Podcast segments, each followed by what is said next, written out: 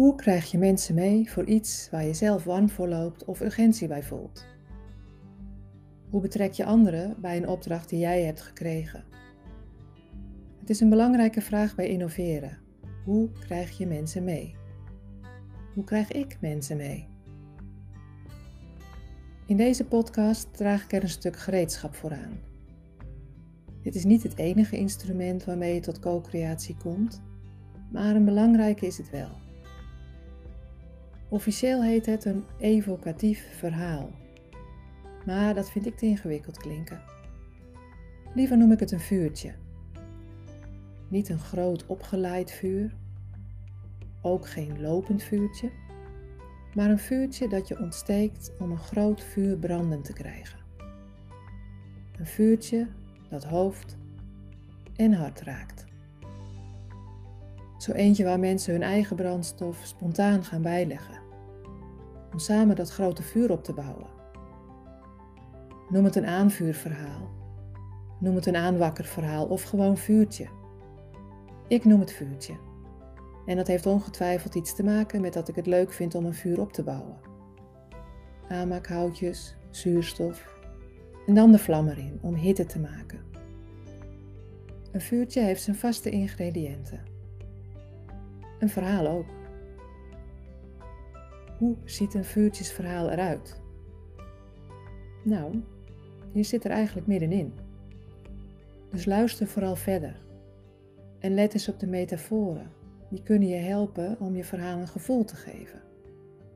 Want met feiten alleen kom je er meestal niet. Ik zal je een voorbeeld geven van zo'n verhaal. Maar eerst even de context. Dan zie je meteen hoe zo'n vuurtje werkt in de context van een vraagstuk waar je aan werkt.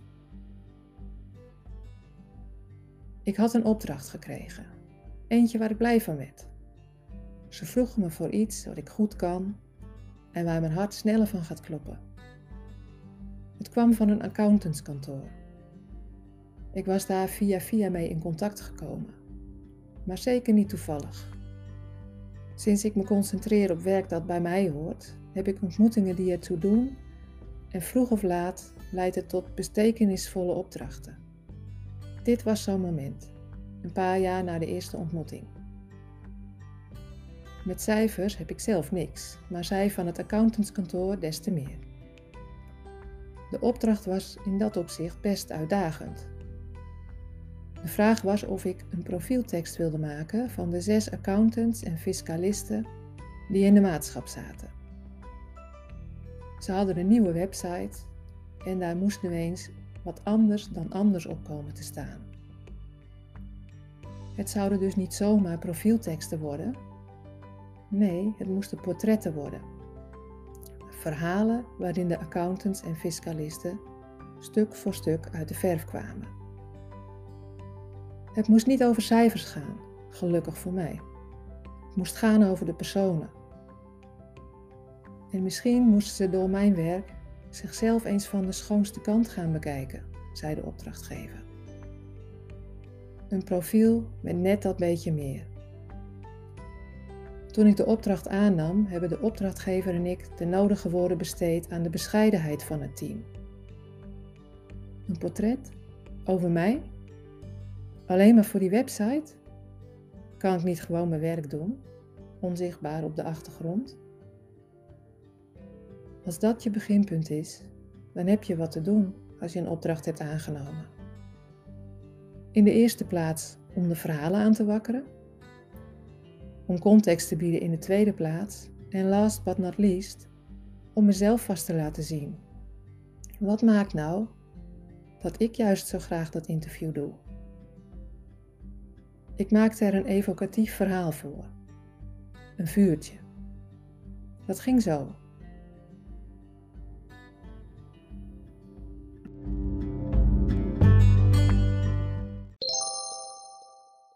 Jullie doen me aan Kees denken. Wie? Kees, mijn automan. Waarom Kees Alkema mijn automan is. Ik heb nul verstand van auto's. Ik hobbelde jaren van garage naar garage. Af en toe had ik een mannetje voor de auto. aangeraden door een bekende. Jaren hield ik dat gevoel dat garages en mannetjes roken dat ik geen verstand had van auto's. Ik kwam types tegen die kassa dachten.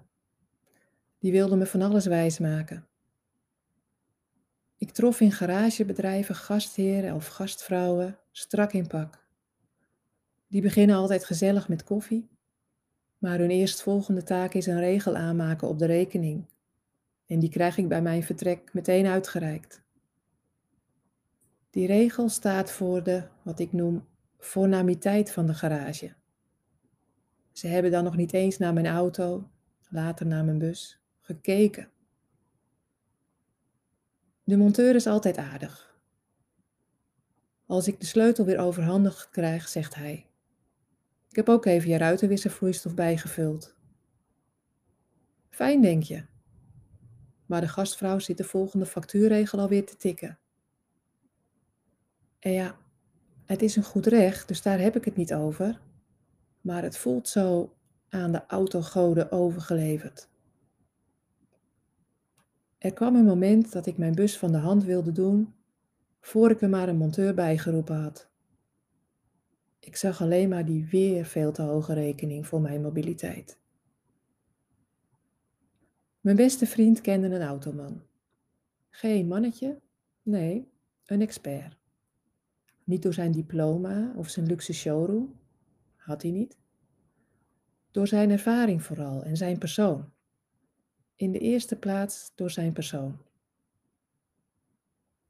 Laat me eerst maar eens je rekeningen van de afgelopen twee jaar zien, zei Kees. Ik mocht meteen Kees zeggen. Dat was schrikken. Zelf was ik die facturen alweer te boven gekomen. Hem rezen de haren te bergen. Dat kan heel anders, zei Kees. Hij repareerde het busje door de keuring heen en vroeg eerst geen geld. Dat komt wel goed als ik een minder geld verslindende auto voor je heb gevonden. Het duurde even, maar hij vond een betaalbare en veilige auto voor me. Dat laatste was essentieel voor het ongeluk dat we nog zouden krijgen. Het is 5 mei 2014. We zijn in Duitsland. Een vrachtauto. We tolden over de Duitse snelweg met de neus in de verkeerde richting. Zien we het verkeer met 140 km per uur op ons afkomen. Even niks, dan rook. We springen uit de auto. We leven dus nog. Auto totaal los. Vrachtwagen nergens meer te bekennen. Met de schrik nog in mijn lijf kwam ik twee weken later Kees garage binnen. Daar stond hij, onze Safira, vanuit Hamburg versleept naar Franeker. Het was nog erger dan ik me herinnerde. Met de auto, maar ook met mij. Kees zag het. Ja, meisje, dat dacht ik al. Kom eerst maar eens eventjes bij. Kees leende zijn auto uit, zolang als het nodig is, en zocht een andere auto voor me. Hij luisterde goed. Liever niet dezelfde kleur, wel graag hetzelfde merk en type. Want wat waren wij beschermd geweest door die Safira? De vervangende Safira kwam er. Kees dacht mee in onze portemonnee. Want we hadden dubbel pech. De verzekering keerde niet uit onder de omstandigheid dat de dader was doorgereden en ongepakt bleef. Bovendien, ik wil geen geld verdienen aan het ongeluk van een ander, zei Kees. Voor het zomervakantie was, reden wij weer in een eigen, toch betaalbare auto. Kees vertelt altijd wat de dingen kosten. Ik stel daar geen vragen over. Mijn bankrekening heeft het bewijs al lang geleverd. Met Kees als automan is mijn leven goedkoper. Ik betaal altijd meteen. Ook als hij zegt dat het best later mag. Het is november 2021. Ik sta op het punt een auto te kopen. Een busje weer.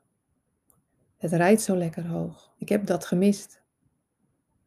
Bovendien heb ik een doel. Het busje wordt mijn schrijfstudio op wielen. Ik neem iemand mee naar een belangrijke plek. Daar waar de wortels liggen van een persoonlijk verhaal.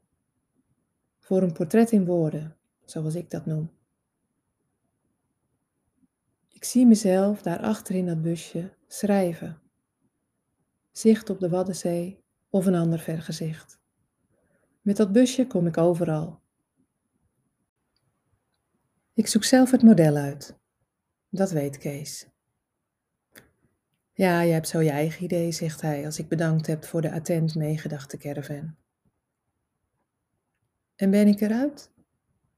Dan rijd ik naar Franeker. We nemen een koffie in de stadsherberg en dan vraag ik: Help je me zoeken?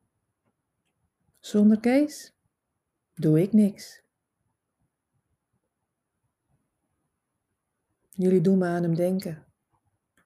Kees. Voor wie ben jij Kees? En wat zou die persoon over jou vertellen?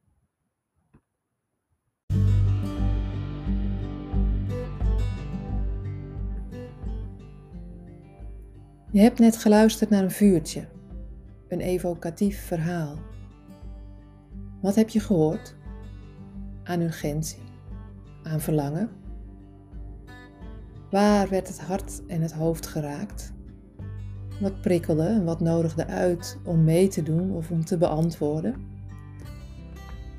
Het zijn een paar vragen die we ook voor je hebben opgesteld in de WhatsApp. Beantwoord ze en kom dan straks online weer terug op het tijdstip waarop we hebben afgesproken. Tot zo!